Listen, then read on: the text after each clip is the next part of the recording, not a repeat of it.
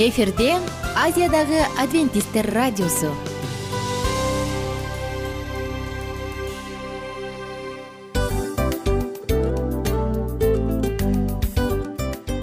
Достор салют.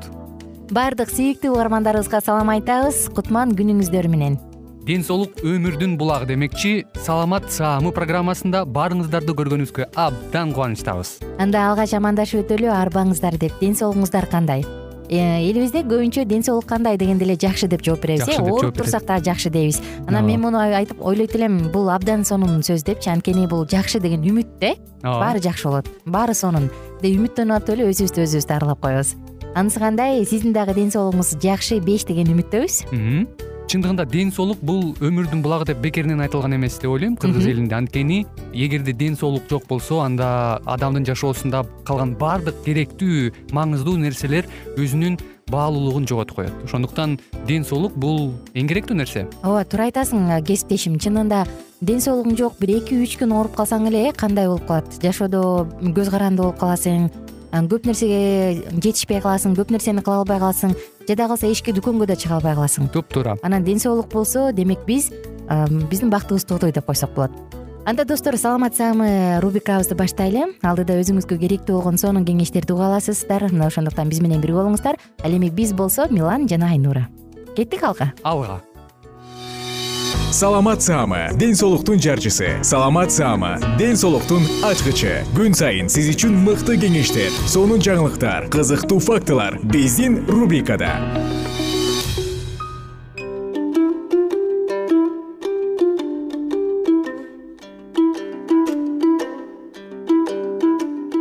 кутмандуу күнүңүздөр менен кадырлуу радио угармандар кайрадан сиздердин назарыңыздарда ден соолуктун ачкычтары программасы. Бүгүнкү программабыздын чыгарылышында э, өткөн берүүбүздө биз силерге мончо туурасында э, темабыз менен бөлүшкөнбүз ал эми бүгүнкү программабыздын чыгарылышы ысык ванна деп аталмакчы. Дал ушул э, ысык ванна менен дагы кантип ден соолукту чыңдоо керек? Ушул жаатта бүгүнкү программабызда кеп кылмакчыбыз.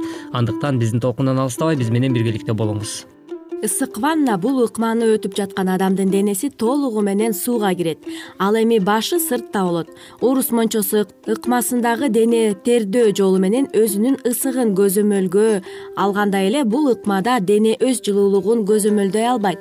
Бул ыкманын орус мончосу ыкмасынын айырмачылыгы бул жерде дене тез ысыганда анткени ысык аба же ысык бууга караганда ысык суу ысыктыкты жеткиликтүү эң жакшы жолу болуп эсептелинет багыты жана таасирлери теринин сырткы катмары кан менен жакшы камсыз болот экен. Мисалга биз чарчаңкы келипсек кечинде үйгө ысык ваннага суу толтуруп алып э, жатсак кандай рахат ооба чындап эле э, баягы дене денең салмактанып э, кандайдыр бир өзүңдү чарчоо абалда сезип турган учурда чындап эле э, ысык мисалы ыкчам сууну атайын бир чылапчынга куюп алыппы ушундай жолдор аркылуу бутубузду дагы буулоо жолдору аркылуу өзүбүздү мындай сергек абалга алып келгенге дагы аракеттенсек болот экен. Мунун жакшы бир натыйжасы бар экен. Мисалы сиз ошол денеңиз салмактанган кандайдыр бир чарчоо сезимдерин Э, сезген учуруңузда э, дароо эле ушул ыкманы колдонуу аркылуу кечинде жатканда дагы тезирээк уйкуга кеткенге дагы жакшы бир өбөлгөсүн түзөт экен албетте жана дагы зат алмашуунун ишин күчөтөт. Адамды жакшылап тердетет дененин ысыгын жогорулатат. Ар кандай ооруларды ригиттүү абалда жеңилдетип мисалга булчуңдар чыңалып э, жакшы жазылбаса бул ыкманы колдонсо өтө жакшы жана чарчоону алып салат экен ооба жогоруда сиздер менен бөлүшүп өткөндөй эле бул ыкманы колдонуу аркылуу дагы кандайдыр бир э, буттун булчуңдарынын түйүлүү э, учурлары болуп калган учурда мүмкүн. Бутуңуз тырышып кандайдыр бир ооруну сезип аткан учуруңузда ушул ыкмаларды колдонгон болсоңуз сөзсүз түрдө э, адамдын организминдеги баардык кан тамырлар иште иштөө функциясы мындайча айтканда баягы кан жүгүрүү системасы жакшырып баштаганда демек дененин тырышкан абалын дагы жазганга кандайдыр бир деңгээлде чоң жардамын тийгизет экен андыктан кымбаттуу угармандарыбыз бул ыкманы дагы жашоо тиричиликте күнүмдүк э, турмушта колдонсоңуз ашыктык кылбайт экен дененин ички мүчөлөрүндөгү керексиз нерселерди төмөндөшүнө жардам берет экен анын дагы пайдалуу жактары аябай көп экен. Алсак кан айланууну жакшыртат. Оору маалында жакшы. Мисалга үшүп келсең кышында бутуң тоңуп калса эмне кыласың анда? Дароо эле ваннага суу толтуруп жатсаң денелериң жибип сонун сезип каласың өзүңдү ооба чындап эле бул ыкма баардыгыбызга эле белгилүү болуш керек. Эч кандай өөн эмес. Ошондуктан э, ушундай жолдор аркылуу дагы өзүңүздүн саламаттыгыңызды чыңдаганга сонун жардамын тийгизмекчи жана булчуңдар чыңалып баягына чейин жазылбашса жана толук чарчап турганда пайдалуу. Дененин ички мүчөлөрүндө керексиз нерселери чогулганда пайдасы дагы өтө зор экен. Жүрөк жана анын клапандары ооруса бул ыкманы колдонууга болбойт экен. Мисалга кант диабетке да каршы. Ооба чындап эле баягы кандайдыр бир деңгээлде сиздин э, ден соолугуңузда олуттуу бир өнөкөттүү ооруларга чалдыккан болсоңуз мисалы жогоруда айткандай эле ошол жүрөктүн начар согушу болгон болсо анда ысык ваннадан алыс эле болгонуңуз жакшы экен. Андан сырткары дагы кандай ооруларга бул э, өзүнүн терс жактарын тийгизет? Мисалга алсак рак оорулары менен ооруган адамдарга дагы ошол жогоруда айткандай эле ванналарга жатканга дагы болбойт экен. Жана кан тамырларынын оорусу же ишин бузулушунда бул ыкма болбойт. Мисалга гипертонияга каршы кан басымын жогору болушунда дагы ысык ванна такыр эле болбойт. Балким мээлүүнүрөөк сууга жатса дагы болот ооба сөзсүз түрдө э, ошол эле жаатта мүмкүн кандайдыр бир э, баягы орусча айтканда давлениясы бар адамдарга дагы э, ысыкка көбүрөөк отурганга дагы болбойт. Себеби мунун натыйжасында мүмкүн сиз ашыкча ошол өзүнүн убактысынан ашык мүмкүн ысыкка көбүрөөк өзүңүздүн денеңизди бууга каптап койгон болсоңуз анда сөзсүз түрдө олуттуу бир көйгөйлөргө алып келип калышы толугу менен ыктымал ал эми маанилүү эскертүүлөр кандай болот экен? Ушуну дагы карап чыксак. Жашы өткөн жана ден соолугу начар болгон адамдар ысык ваннага жакшы чыдашпайт. Эгерде бул ыкманы колдоно турган адам дары дармек менен дарыланып жатса анда алдын ала анын доктуру менен кеңешип алыңыз. Ыкманы өтүп жаткан адамдын башы тегеренип же эсинен тана баштаса ошол замат дарылануунун ыкмасын токтотуңуз. Ыкманы өтүп жаткан адамды ваннага жалгыз калтырбаңыз жогоруда биз айтып өткөндөй эле кан басымы жогору адамдарды дагы жалгыз калтырып коюу эч убакта болбойт экен. Андан сырткары э, керектелүүчү нерселерге эмнелер керек ушул туурасында дагы азыр э, сиздер кеңештерге кулак түрүп алсаңыздар. Ваннадагы сууну текшерүү үчүн термометр керек. Эки үч мончо сүлгүсү жана э, жерге төшөмө дагы алып алыңыз болот. Муз кошулган муздак суу куюлган идиш эки кесинди марли же компресс адамдын чачын кургак сактоо үчүн сууга түшүүчү баш кийим.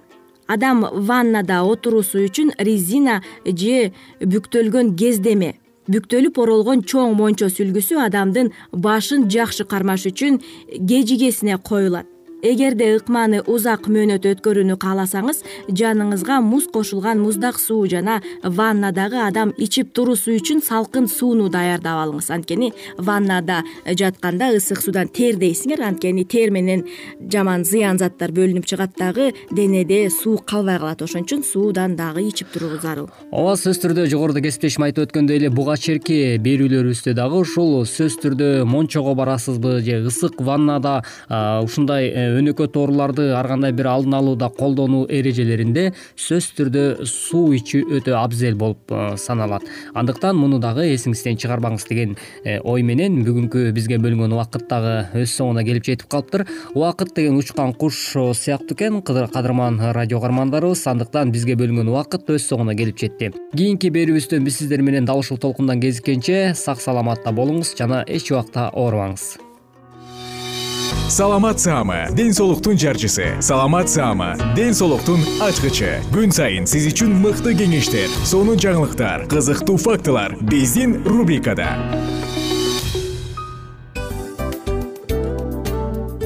Салют замандаштар баарыңыздарга ысык салам. Дил маек программабызга кош келиңиздер.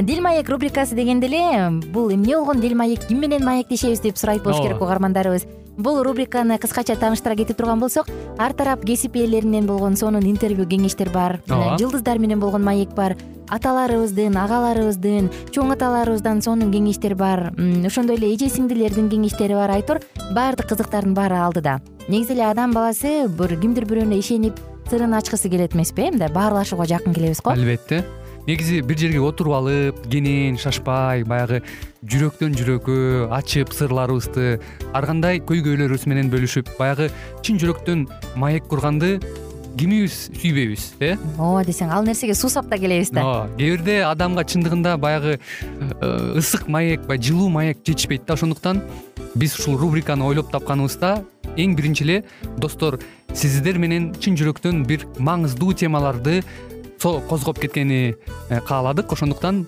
ушундай сонун бир рубриканы тартуулап жатабыз. Анын үстүнө радио дагы сонун дос да анткени э, мындай учурда досуңа айтсаң досуң досуна айтат досу досуна айтат да анан бүт өлкө билип калышы мүмкүн го. А радио болсо сени сатпаган сенин айыбыңды ачпаган сенин сырыңды эч кимге айтпаган сонун дос мына ошондуктан биздин алдыдагы айта турган кеңештерибизди биздин досторубуздун кеңештерин угуп анан ал жака пикириңизди дагы калтырып кайрадан биз менен байланышсаңыздар болот. Деги эле жашооңузга эгерде кичине болсо дагы өзгөрүү алып моралдык жактан нравовик жактан сонун бир кеңештерди алсаңыз демек биз максатыбызга жеттик. Ооба. Чыңгыз атабыз улуу жазуучу э, чыңгыз айтматов айткандай адам болуу бул күнүмдүк процесс экен. Күн сайын адам бойдон калуу бул адамзатка эң эле кыйын дейт э? э эң кыйын дейт. Чындыгында бунун э, негизинде адамдын эң баягы сапаттуулугу адамдын э, адамгерчилиги жана көптөгөн керектүү нерселер. Мына ошол темалар дагы бизде ушул дил маекте биз аларды да козгойбуз. Ден соолук жөнүндө да сүйлөшөбүз. Сөзсүз түрдө анан милан мырза негизи айтып коюшат го. Биз көбүнчө эмнени ойлонсок ошол нерсеге карата иш кылабыз го ооба. Анан анысы кандай? Балким бул радио баракчада кимдир бирөөнүн оюн текшергенге жардам берет кимдир бирөөнүн жүрөгүн текшергенге жардам берет.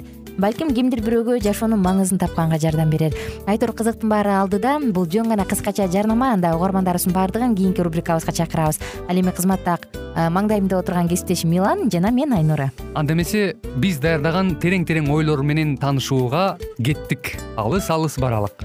Анда эмесе достор биз менен бирге болуңуздар. Алдыда эң кызыктуу маалыматтардын баардыгы бир нече мүнөттөр бою жалгыз гана сизге арналат. Мына ошондуктан жакшы маанай менен угууну каалайбыз үн алышканча. Жөнөдүк. Ар түрдүү ардактуу кесип ээлеринен алтын сөздөр жүрөк ачышкан сыр чачышкан сонун маек дил маек рубрикасында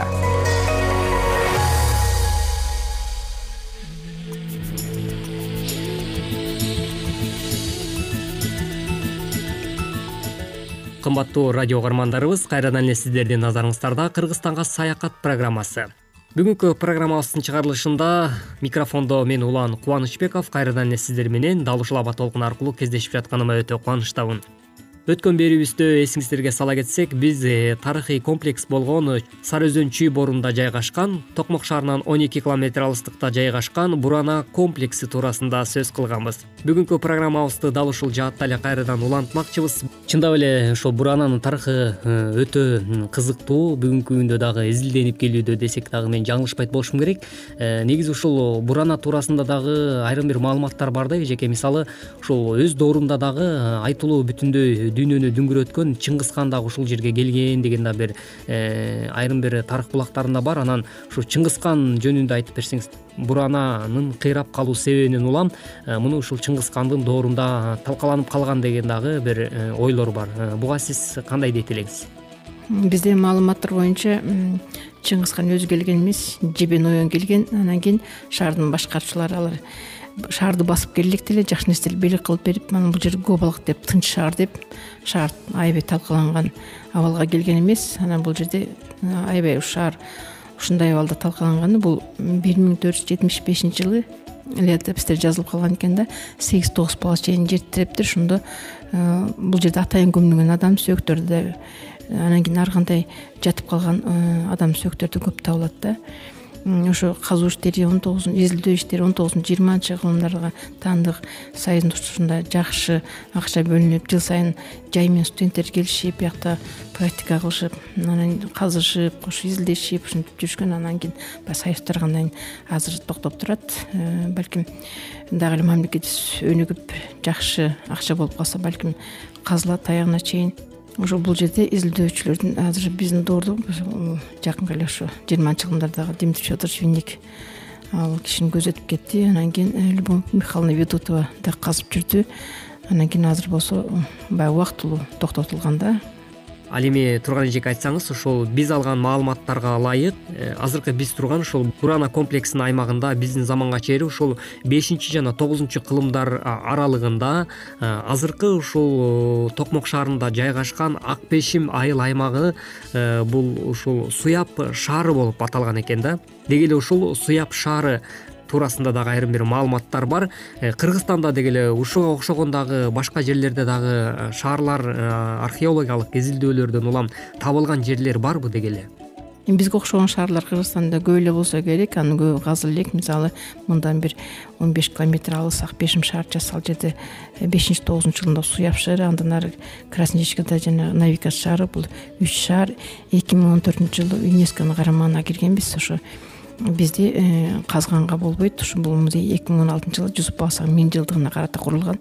Бул эми баягы э, фундаменти жок. Мындай үстүнө эле жердин үстүнө эле э, кондуруп койгон сыяктуу музей болуп салынды да.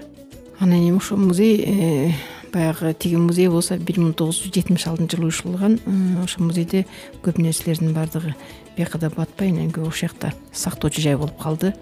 Бул жер ошо отуз төрт отуз беш гектар бул ошо бир катар чепничи бул ошо биз ачык асмасында комплекс биринчи бул мамлекеттик корк экинчи музей катары э, элге көрсөтүп келе жатабыз. Музейдин айланасында жайгашкан бул балбал таштарды дагы биз азыр көрүп турабыз. Негизинен эле ушул балбал таштар булар э, ушул бурананын айланасында эле табылганбы же ушул кыргызстандын башка дагы аймактарынан дагы э, атайын археологиялык изилдөөлөрдөн улам табылга катары дагы алынып келинип коюлганбы бул дагы мен үчүн кызыктуу болуп турат. Э, себеп дегенде угармандарыбызга дагы кызыктуу болуш керек. Э, кыскасы айтканда ушул балбал таштар жөнүндө дагы маалымат берип өтсөңүз. Тетинде таш балбалдар дагы моло таштар тегирмен таштары жарылчак таштар булардын баардыгы баягы жыйырманчы жылдын баштарынан ушу жыйырманчы жыл жыйырма биринчи жылга чейин эле ушу чогултулган таштар булардын көпчүлүгү. Кеминден чүйдөн анан ушул э, петроглифтерде бар. Аска бетине чегилген эчки теген сүрөттөрү анан кийин саймал таштан чийим таштан алып келингендер да бар да булардын көпчүлүгү. Ошо э, музейдин максаты ошо келген туристтерди э, жакшы кабыл алып жакшы узатып анан кийин биздин мамлекетке дагы келген адамдарды мындай өзүбүздүн жерибиздин жаратылышы менен эмес анын өзүнчө өзгөчө бай тарыхы менен өзгөчө этнографиясы менен кызыктыруу максатта. Айтып келебиз. Кызыктуу пикир жаралып жатат да. Мисалы э, деги эле ушул караханиттер доорунда алар кайсыл динди тутунушкан? Бул жерде ошо эң байыркы биздин ата бабаларыбыз бутпарасттар анан шамандар зарастризм буддизм нестерин христиан исламына ар бир диндин өзүнө ылайык мүрзөй коюлган таштары же болбосо мындай саркофаг сыяктуу карапайым идиштер сакталып калган бизде эми буддизм ушу алтынчы сегизинчи кылым болсо э, бешинчи биздин доорго чейинки бешинчи кылымда иранда э, зарастризмди ыйык деп тутушкан бизде деле мисалы жакында эле нооруз майрамдап өттүк. Ушул динден калган э, майрамдардын бири.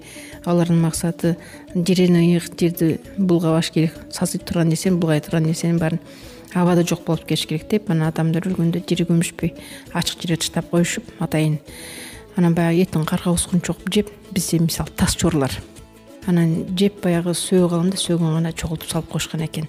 Атайын коргондор бар набыз деп ошо коргондорго текчелерине салып коет кереги жок болгондо ылайлап жаап коюшат керек болгондо ачып кайра ушундай жерлер сакташкан жер болгон экен да кадырман радио угармандарыбыз бүгүнкү программабыздын чыгарылышында биздин суроолорубузга дал ушул бурана комплексинде көп жылдардан бери үзүлдүү эмгектенип келе жаткан кожо мамбетова турган эжеке биздин суроолорубузга жооп берди. Ал эми турган эже сизге ыраазычылык билгизүү менен биргеликте бизге бөлүнгөн убактыбыз да өз соңуна келип жетип калыптыр. Кымбаттуу радио угармандар кең сары өзөн чүй боорунда жайгашкан тарыхый комплекс болуп аталган бул бурана мунарасына саякатка бирге барып келдик бүгүнкү программабызды тыңдаганыңыздар үчүн жалпыңыздарга ыраазычылык билгизүү менен биргеликте кыргызстанда мына ушундай биздин ата бабаларыбыз биз үчүн калтырып кеткен тарыхый жайларыбыз кылымдан кылымга сактала берсин деген тилек менен бүгүнкү программабыздын көшөгөсүн жапмакчыбыз. Биздин уктурууга назар салганыңыздар үчүн чоң рахмат. Кийинки берүүбүздөн биз сиздер менен кыргызстанга саякат аттуу программабыздан кезиккенче жалпыңыздар менен коштошмокчумун. Бүгүнкү талкуу маекти алып барган кызматыңыздарда аты жөнүм мен улан кубанычбеков сиздер менен биргеликте болдум. Кийинки берүүдөн сиздер менен дал ушул аба толкундан үн алышканча сак саламатта болуңуздар ар түрдүү ардактуу кесип ээлеринен алтын сөздөр жүрөк ачышкан сыр чачышкан сонун маек бил маек рубрикасында.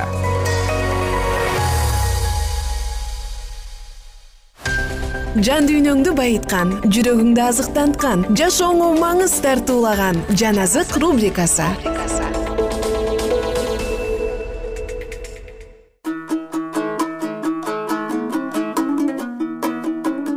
кутмандуу күнүңүздөр менен айымдар мырзалар жалпы биздин кадырман замандаштар сиздер менен кайрадан улуу күрөш китебин улантабыз. Биз менен бирге болуңуздар. Израиль үйү мындай дейт. Ал көргөн пайгамбарлык көрүнүш көп күндөрдөн кийин ордунан чыгат жана ал алыскы заман жөнүндөгү пайгамбарлыкты айтат. Ошондуктан аларга айт кудай теңири мындай дейт. Менин сөзүмдүн бири да эми кийинки мөөнөткө калтырылбайт бирок мен айткан сөз ордунан чыгат дейт кудай теңири.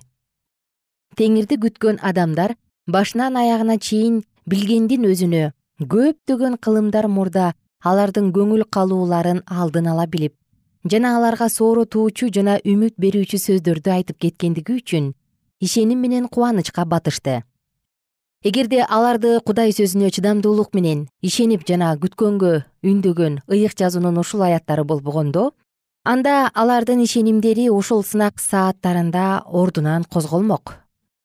Матайдан жазылган ыйык инжилдеги жыйырма төртүнчү бапта жазылган он кыз жөнүндөгү үлгүлүү аңгеме дагы адвентисттерге түздөн түз таандык. Ошол эле бапта шакирттердин акыркы мезгилдин белгилерин сураган суроосуна машаяк жооп бергенде дүйнөнүн жана жыйындын тарыхын айтып берип өзүнүн биринчи жана экинчи келишинин ортосундагы окуяларына алардын көңүлдөрүн бурган.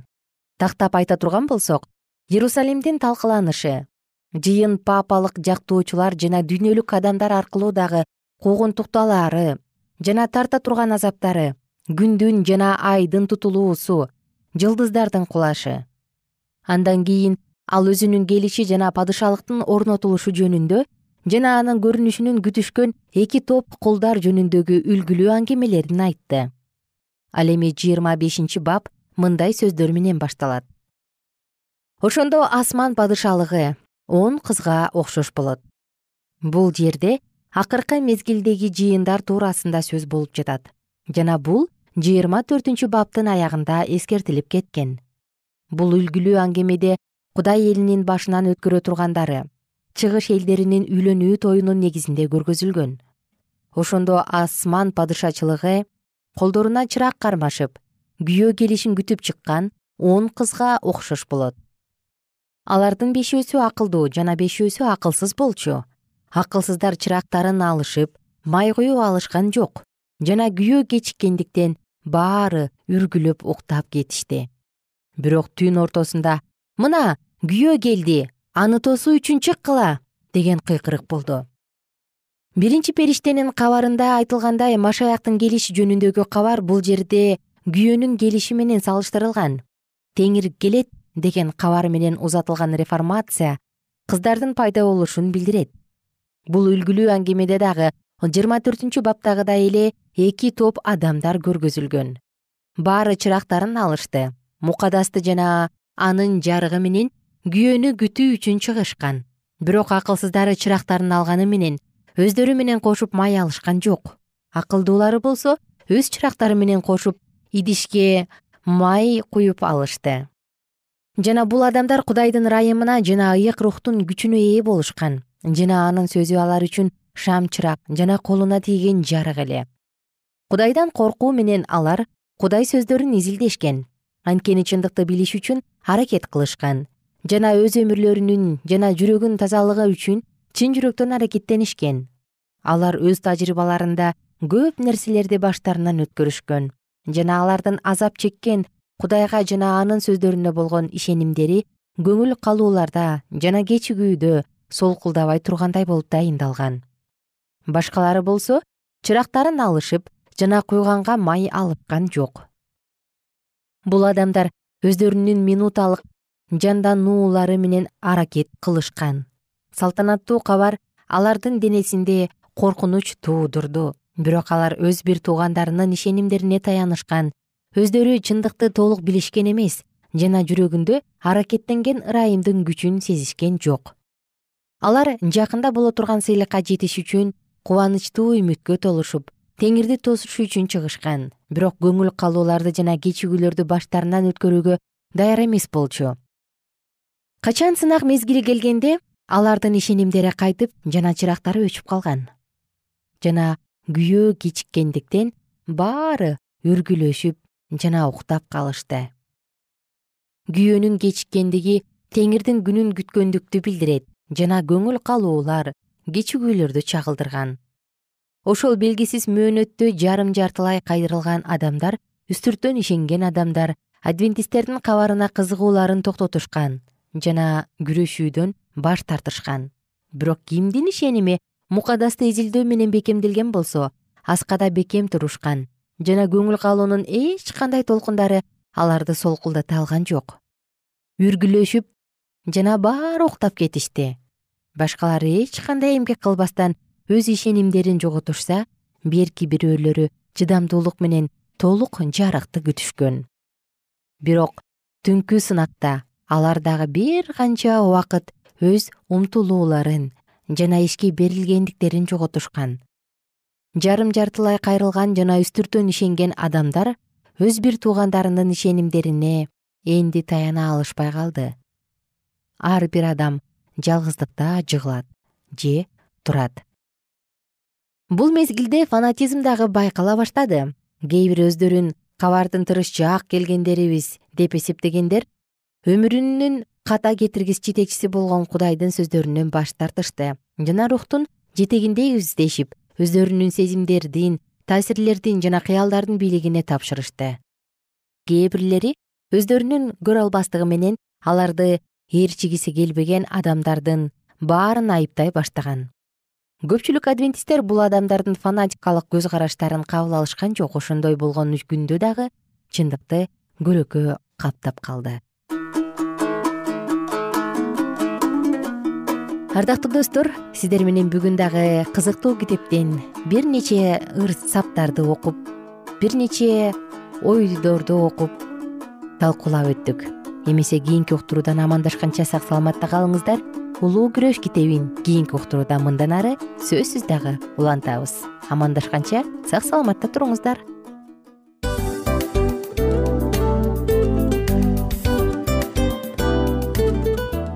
мына ушинтип убакыт дагы тез өтүп кетет экен биз дагы радио уктуруубуздун аягына келип жеттик. Келип кубандырдыңар эми кетип кубандыргыла деп тамашалап калышат эмеспи анысы кандай? Радио баракчабызды программабызды азыр эле баштап аткандай болдук элек мына соңуна келдик э? Негизи убакыт э, билинбей өтүп кетет экен мен дагы э, убакыт дегенде бүгүн бир адам менен сүйлөшүп калдым. Анан убакыт бул мүмкүнчүлүк деп айтып өзүмө өзүм айтып алып анан мага өзүмө эле кайра ачылыш болду да чын эле э Э, карап отурсаң ошол эле жыйырма төрт саат ошол эле жарым саат кайталанып атат. Бирок сендеги мүмкүнчүлүк жок ошол кой берилип кетти? Анысы кандай? Бүгүнкү сонун убактыңызды алтындай болгон жарым саатыңызды бизге бөлүп арнаганыңыз үчүн ыраазычылык айтабыз. Анан жашооңуздун кайсы бир сферасын өзгөртө турган сонун пайдалуу кеңеш алган болсоңуз анда биз максатыбызга жеттик. Анан ушул нерсени кылбасам десеңиз ошол өзгөрүүлөрдү кичинекей кадамдардан баштап иш жүзүнө ашырыңыз дагы жашооңузда чоң чоң ийгиликтерге жетиңиздер чын жүрөктөн ар бир берилген кеңештер сөздөр сиздерге пайдасын алып келет деп ишенебиз жана кийинки уктурууларда сөзсүз түрдө чыдамсыздык менен сиздерди күтөбүз. Сагынычтуу салам айтып кайрадан дал ушул жыштыктан баардыгыңыздарды тосуп алганча. Кызматта мен айнура жана кесиптешим милан. Анда кол булгалайбыз жалпыңыздарга ийгиликтүү күн. Саламатта калыңыздар